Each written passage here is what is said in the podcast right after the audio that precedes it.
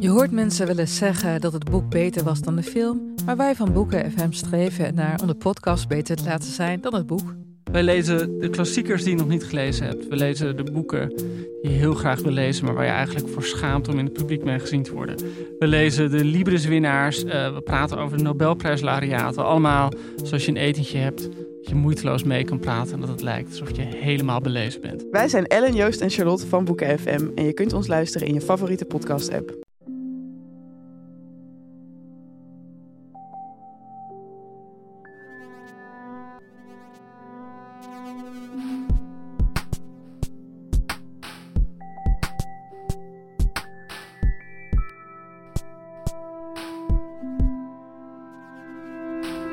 Dit is Relaas. Daarin vertelt iemand een verhaal dat hij zelf heeft meegemaakt.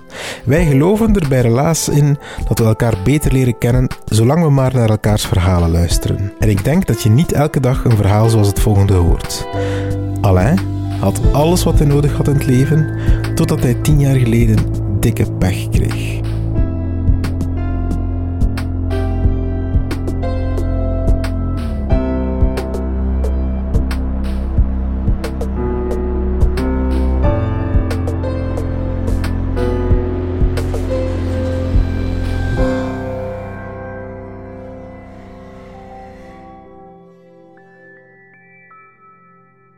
We gaan terug tien jaar in de tijd, 2008. Ik had het gemaakt in het leven. Een gelukkig leven, een goed huwelijk, knappe vrouw, vier opgroeiende kinderen. En een goede job. Ik had een verantwoordelijke job in de haven van Gent. Ehm, het was ja, gemakkelijk, ja, een eenvoudig leven. En, maar alle dagen werken. Ik was echt uh, workaholic. Dus ik begon mijn dagen meestal s morgens vijf, zes uur. Wanneer dat ik thuis kwam, dat wist ik totaal niet. Ik, had dus, uh, ik moest alles in orde brengen. Uh, ik, ik zal het eerst zeggen, ik werd in de haven van Gent, uh, verantwoordelijke. Je moet zien dat u volk hebt, dat u kraanman hebt, dat uw, kraan, uw schepen op de juiste plaats zijn, dat uw magazijn in orde zijn en al. Dus dat is een heel, heel stresserende job. En ik leefde daarin volledig mee. Ook de weekends. Je weet, een schip in de haven kost enorm veel geld als je dat laat liggen. Dus in de weekend moest ik ook uh, dikwijls werken. En ik was dikwijls twee, soms drie dagen weg van huis. En zo, zo is dat gestart in 2004, sinds dat ik die job had. En tot 2008. En dan voelde ik een stilletjes aan een verandering in mijn lichaam. Uh, het was moeilijker opstaan, moeilijker. Ik kon me niet meer concentreren op mijn werk.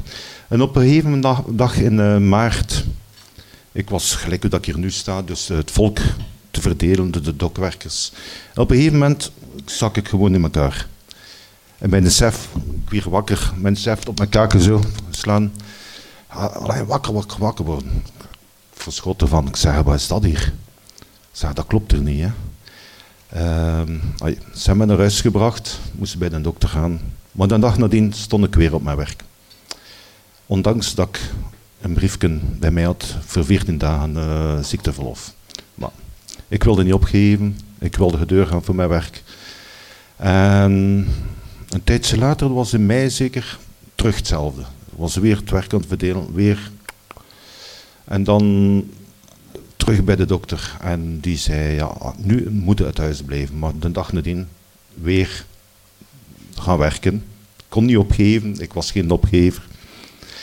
En dan in september ben ik uiteindelijk vier weken moeten thuisblijven. Ik zat dus mee een maagontsteking. Het lukte totaal niet meer om te gaan werken. Ik was moe, opgeleefd. Ik heb dan in oktober ben ik terug gaan werken. Tot half november en dan was het gedaan. De lucht was uit. Ik had geen courage meer, geen, geen fut meer in mijn lijf. Ah terug bij de dokter, psychiater bij. Uh, het verdikt was ja, burn-out, zware depressie. Dus ik zat de dagen thuis. Niet meer gewoon zijn om thuis te zijn, want was bijna nooit thuis. Hè. En ik moet zeggen, de eerste drie maanden zat ik gewoon in mijn zetel. Kwam, kwam nooit niet buiten. Ik had schrik van de mensen. Schrik om buiten te gaan. Van de psychiater en van de dokter moest ik veel naar buiten gaan wandelen. En wanneer dat, deed ik dat? S'avonds als het donker was, hè, dat er met niemand tegenkwam. Hè. Ehm, uiteindelijk, mijn, mijn vrouw toen, mijn kinderen, die hebben mij enorm gesteund daarin. Ehm, mij meehelpen om er toch proberen uit te komen. Maar het ging heel moeizaam. En april 2009, het was 20 jaar getrouwd, maar de goesting was er niet om het te vieren. Ik zat er niet in. We zijn zelf niet weg geweest of niks speciaal gedaan. En twee weken later, ik had, zat alle dagen thuis na te denken, na te denken. En twee weken later heb ik op een gegeven moment gezegd, ik stop ermee, met alles. Mijn huwelijk opgegeven. Ik heb gezegd, ik, ik wil alleen zijn. Dat was ja, voor mijn kinderen, voor mijn vrouw, dat was werkelijk, wat gebeurt er? Dat, kan toch niet? we zijn twintig jaar getrouwd, een, pracht van een huwelijk. Ik weet nog dat mijn zus zei tegen mij, Alain, jij en uw vrouw, er zit een voorbeeld, een, huwelijk dat echt sterk is. En jij gaat dat nu opgeven. Ik zeg ja. Ik zeg, ik wil niet meer, ben het een paar dagen later, eh, ja, een paar dagen heeft mijn vrouw echt moeilijk gehad. Maar toch, ze is mij blijven steunen. Mijn kinderen ook. Um, we hebben dan procedure gaan gestoken voor de echtscheiding. Huis stond te koop en al zo. En kort nadien ben ik weer beginnen werken. Maar niet meer op de kaai, dus niets meer met scheepvaart. Dus ik, ik moest gewoon de hoofdbril uh, mijn werk gaan doen. In het begin eerst halftijds. Um, ondertussen was er nieuwe bazen. En het familiaire was eruit. Er was, nu waren de nummer. Vroeger bij de, de, mijn vorige baas, dat was gelijk familie. En nu was het een nummer. En ik herinner me nog, de eerste dag dus ik werkte dan hey, halftijds middags. Ik kwam toe op een bureau. De chef komt binnen uh, bij mij en hij begint mij uit te schelden. En het is de laatste keer dat hij ziek geweest is en zo lang ziek geweest is en dit en dat. En, uh, terwijl dat iedereen er rondom stond. Ik kon zo in de grond zakken van schaamte. En vooral, ik was nog altijd niet in orde. Ik had nog altijd die depressie, die burn-out. Dat is iets dat zomaar niet verdwijnt. Maar ik wou toch proberen om weer te gaan werken. Ik heb dus een paar maanden halftijds gewerkt. En onder druk van mijn chef uiteindelijk ook fulltime begonnen. Ondanks het verbod van de adviseerd geneesheer, van de psychiater, van de huisdokter. Maar toch, het doen. Uh, ondertussen hadden we de scheiding, was thuis verkocht. De scheiding was in gang gezet, dus dat was bijna in orde. Uh, en enkele maanden later in één keer terug. Het licht uit, het ging niet meer. Ik kon niet meer uit mijn bed. Ik heb dagenlang in mijn bed gelegen. Um, uiteindelijk heb ik dan toch nog een goede zeven maanden thuis gezeten. Uh, na die zeven maanden, ja, dat was ondertussen al mei 2011. Ik kom er terug toe op het bureau, gaat bij uw chef, wat komt hij hier doen? Ik zeg, ben ik klaar om te komen werken? Ja. Hmm, zegt hij, C4, zegt hij. Ik zeg, meen dat? Ja, zegt hij. Je vorige, vorige keer verwittigd, zegt. Dus een dag nadien moest ik naar het bureau gaan, alle papieren laag klaar, de sleutels van de auto afgeven, maar ik had ook een firmawagen. Sleutels afgeven, alles. En ik mocht te voet naar huis gaan, want als niemand, hij verbood voor iemand mij thuis af te zetten. Dat was echt, dat was... En die moment, ja, dan zakt al alles in elkaar. Hè. Het geen controle meer, het geen dingen. Terug naar huis. Ik leefde toen die moment in een huurhuis. Uh, ik had nog twee jonge dochters die nog naar school gingen. Eén dochter die autisme heeft ook. En ja, ik had natuurlijk een schoon anciëniteitsopgebouw, 25 jaar had ik gewerkt. Dus je krijgt er een som geld. Natuurlijk, wat als er niet bij zijn, is dat er veel naar de belastingen ook gaat. Hè. Ja. Dus je tracht elke maand dat geld een beetje te verdelen en te doen. Maar het kost allemaal geld. Een, een van bijna 900 euro, uh, gas, elektriciteit en dit en dat. Het geld gaat enorm rap voorbij. Ondertussen probeer ik werk te vinden, maar het lukt niet. Af en toe een keer zo'n interim jobje, maar dat was, dat was twee keer niet zo. Dan, um, ja, je blijft dus zo'n beetje namodderen. En op een gegeven moment, ja, je hebt niet veel geld meer. Het enige dat nog binnenkomt, is je kindergeld. En dan moet je ergens een keuze maken. Wat ga je doen? Huiszuur betalen, gas betalen, elektriciteit, water. Maar ja, de kinderen moeten niet. Hè? Ik moet zelf ook nog eten hebben. Hè? Ja, dan begint het. Hè? Ja, voor de kinderen zorgen. Hè, dat die al dagen hun eten, hun drinken hadden. De, de, zakcentje voor naar school te gaan en zo. Dus maand na maand, zo heb ik het zeven maanden uitgehouden. Dus geen huiszuur betalen. Al de post dat binnenkwam, stak ik allemaal, stak ik allemaal in een doos. Dus een, later heb ik dan ontdekt dat er veel waarschuwingen waren, veel facturen en al zo. Maar die moment, ja, ik had er geen greep meer op. Ik zag, ik had al verwittigingen gehad van de huisbaas. Ik had al naar het gerecht moeten gaan. En het verdict was 17 januari 2013. Gingen ze uit mijn huis zetten. Geleef, ja, het was nog een paar weken te gaan. Ondertussen kerstdag, nieuwjaar, triestig. Het niks meer, juist nog een klein beetje verteten, nog zo dingen. Uh, tot op die dag. En ja, s'morgens om negen uur gingen ze komen. De deurwaarder, de politie, de verhuiswagen, je kent dat. Want ik had ja, in al die jaren iets serieus opgebouwd. Een schoon salon, schoon eetplaats, een duur slaapkamer, twee wasmachines, twee droogkassen, een diepvries, Amerikaanse koelkast. Al wat je maar kunt voorstellen stond er. En die morgen ben ik opgestaan. En ja, ik was in feite niet gaan slapen. Ik zat in mijn zetel nacht dus. En wakker geworden in mijn zetel. Ik heb mij rechtgesteld, de kinderen waren naar school. Ik heb mijn fiets gepakt en nog wat grief in een doos gestoken. En ja, dat was het. Ik kon niks meer meenemen. Ik ben dan met de fiets ondertussen tot gevroren, tot gesneeuwd. Het was ijskoud. Te voet met de fiets bij mijn ouders gegaan, daar nog een doos afgezet. En dan ben ik naar de stad gegaan, naar uh, Huizen Triest. Daar had ik een afspraak met iemand, want de school van mijn jongste dochter had ondertussen alarm geslagen. Die hadden dus bepaalde instanties eh, inlichting gevraagd. En ik moest naar Huizen Triest gaan voor te kijken of dan me daar eventueel de eerste nacht konden overslapen, eh, blijven slapen. Dus ik was, mijn jongste dochter, die mocht bij haar vriend slapen een tijdje, dus dat was toegelaten. Ze was 16. Ehm, en mijn andere dochter, die autisme had, die werd een dag na ons uit, huisuitzetting 18 jaar. Dus die eerste avond mochten we overnachten in Huizen Triest. In Huizen Triest dat is zo, ja, dat is een open ruimte.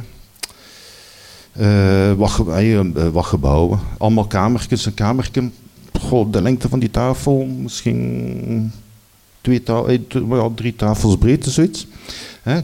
Twee stapelbedden, een smal hangske, een douche en dingen.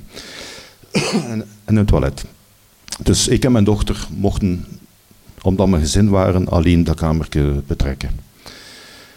we hebben die nacht door de roer gebracht. En de dag nadien, ja, mijn dochter haar verjaardag. Maar ze heeft er echt een trauma aan overgehouden. Het ging niet voor dat meisje, dat was ja. Die wilde naar huis ook. Hè. De, iemand die autisme heeft, die is gehecht aan, aan een bepaalde plaats. Die, die heeft ja, al die tijdstippen, die moet alles op voorhand weten ook. Hè. Iemand die autisme heeft. Um, gelukkig is er een assistent gekomen van school, van op Gembrugge, en die hebben daar uh, ondergebracht in school. Uh, zij mochten logeren op een internaat, zelf in de weekends. Dat was dus geen probleem. Ze hebben daar uiteindelijk daar ook ingeschreven op school en alles in orde gebracht. Dus voor mij begon het ja, op straat leven. Dag na dag, nachtopvang, toenmalig nog aan de Hasmeterlaan. Die periode was ijskoud, niet weten waarin en waaruit, want ja, je bent nieuw op straat. Ja, ik hoorde wel van mensen die dakloos waren, maar dat was ver van mijn bed. Hè. Dat ging mij nooit niet overkomen, dus ja. Uh, dan gaat je dan die nachtopvang. Je, zit, je, moet, ja, begint wel mensen te leren kennen. En die zegt, ja, uw rugzak, houd dat maar goed in de houden. Uw gsm, houd dat maar goed bij, want, hm, want er wordt ook veel gestolen. Zelfs een paar schoenen of kousen of een broek. Alles werd er gestolen. Hè. Uh, zo hadden we wel verder. Uh, de maanden verstrijken ondertussen. Ja, je kunt een keer bij iemand logeren, bij vrienden, maar dat blijft niet duren. Op een gegeven moment wordt het toch wel gewaar dat het daar ook weer buiten moet. Hè. Dus ondertussen ik wel echt goede vrienden leren kennen. Soms, ja, dus uh, je moet rekenen, heb maar vijf nachten om de veertien dagen tijdens de zomerperiode. Dus vijf uh, nachten of veertien dat je ergens in een nachtopvang kunt slapen. Dus negen nachten moeten ergens ja, je, je plan trekken. Hè. En we hadden het gevonden, hè, een zonnebankcentrum. Dat kost ons al lekker uh, zonneke, onze breinen. Hè. Dus, maar ja, dat was ook stressen. Hè. Dat was s'avonds laat en dat was een, een, deur met een tijdslot. En dus we maakten dan er in tijd waren en dat was eerst rondkijken. Ja, is niemand te zien? Die deur open, rap. Laatste ding. En daar hadden we ons rugzakken onder een zonnebank weggestoken. Uh, maar toch, dat was elke dag dat ritme, dat was die stress. Ja, het, is, het is niet gemakkelijk om zo te leven. S'morgens vroeg maken, zeven uur, half acht, dat we buiten waren, vooraleer dat slot weer open ging en dan dat de eerste klanten binnenkwamen. Hè.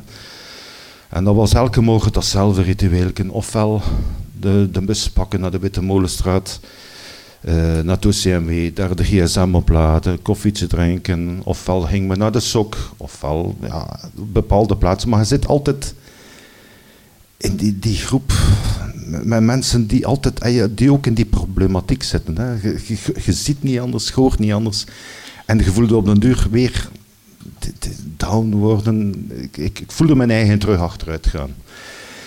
Tot op een gegeven moment, uh, het was al, laten we zeggen, wat zijn uh, juli 2014. Mijn maatschappelijke werker, ze bel mij. Allee, zegt ze, het prijs, binnenkort uit de sociale woning. Ik zeg, dat kan niet. Ja, maar ja, zegt ze, via de versnelde toewijs, we hebben nu erop ingeschreven, dat kan niet. Maar ik zeg, er zijn nog zoveel mensen die hier al jaren rondlopen op straat. En ik, ja, maar ja, hebt ook een beetje misschien dat voordeel met je dochter die autisme heeft, dat er misschien daardoor een plaats voorgesprongen zet. Ik wou het toch nog niet geloven. Dat kon, ja. Maar je leeft er naartoe. Tot op een dag zelf uh, kregen uh, een, een, een, bericht van Woning Gent. Ik moest uh, eh, 27 augustus mijn contract komen tekenen. Ik zei, het is dan toch waar. En ja, uiteindelijk, ja, je leeft er naartoe. Die laatste dagen, de laatste uren, dus die laatste nacht in dat zonnebankcentrum. Dat was er zo, ja, toch die schrik wat gaat er gebeuren? Hè? Uh, we hadden afgesproken, ik dacht dat het in de namiddag was, dat ik in een woning moest zijn. En daar zitten dan, en je ziet de papieren, en je ziet uw naam op staan, Alain Bergmans. Dan begin je pas te geloven dat, dat je weer iets hebt. En je krijgt die sleutels in je handen. En dan heb ik het, eindelijk, eindelijk heb ik het. En ben naar boven gegaan, want het was in hetzelfde gebouw dat ik dus woon. En ik steek de sleutel in mijn deur.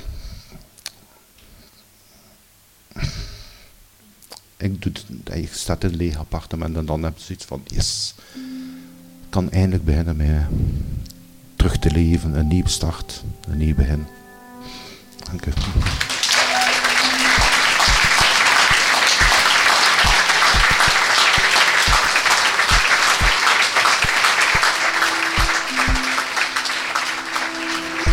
Dat was het relaas van Alain. Hij vertelde het in Gent op een relaasvertelavond samen met Enchanté. Enchanté dat is een netwerk van gastvrije handelaars en burgers in Gent. En die bieden elkaar kleine diensten aan voor mensen die het echt nodig hebben. We hebben toen met een man of honderd samen gezellig gegeten, s'avonds. Letterlijk tussen de soep en de patatten kwam Alain naar voren en vertelde hij dit pakkende verhaal. Het was een heel mooi uitwisselingsmoment tussen mensen die elkaar anders waarschijnlijk nooit hadden ontmoet. Dankjewel aan de mensen die Relaas week na week na week helpen organiseren. Sarah de Smet, Egwin Gontier, Katlijn de Vries, Stefan Geruijaert, Sarah Latré, Timon van de Voorde, Anneleen Schelstraten, Marlien Michels, Ruby Bernabeu Plaus, Jurgen Strooband, Steve Konaar, Charlotte Huigen, Evita Nocent, Dieter van Huffel, Philippe Cox, Silke Durie en ikzelf ben Pieter Blomme. En doe ons een pleziertje. Deel dit verhaal met één iemand. Eén iemand is al voldoende. Het hoeft echt niet meer te zijn. Met één iemand via Facebook of Twitter of WhatsApp, dat maakt ons ook niet uit. Maar alleen als iedereen het met één iemand deelt, kunnen wij groeien. Dankjewel.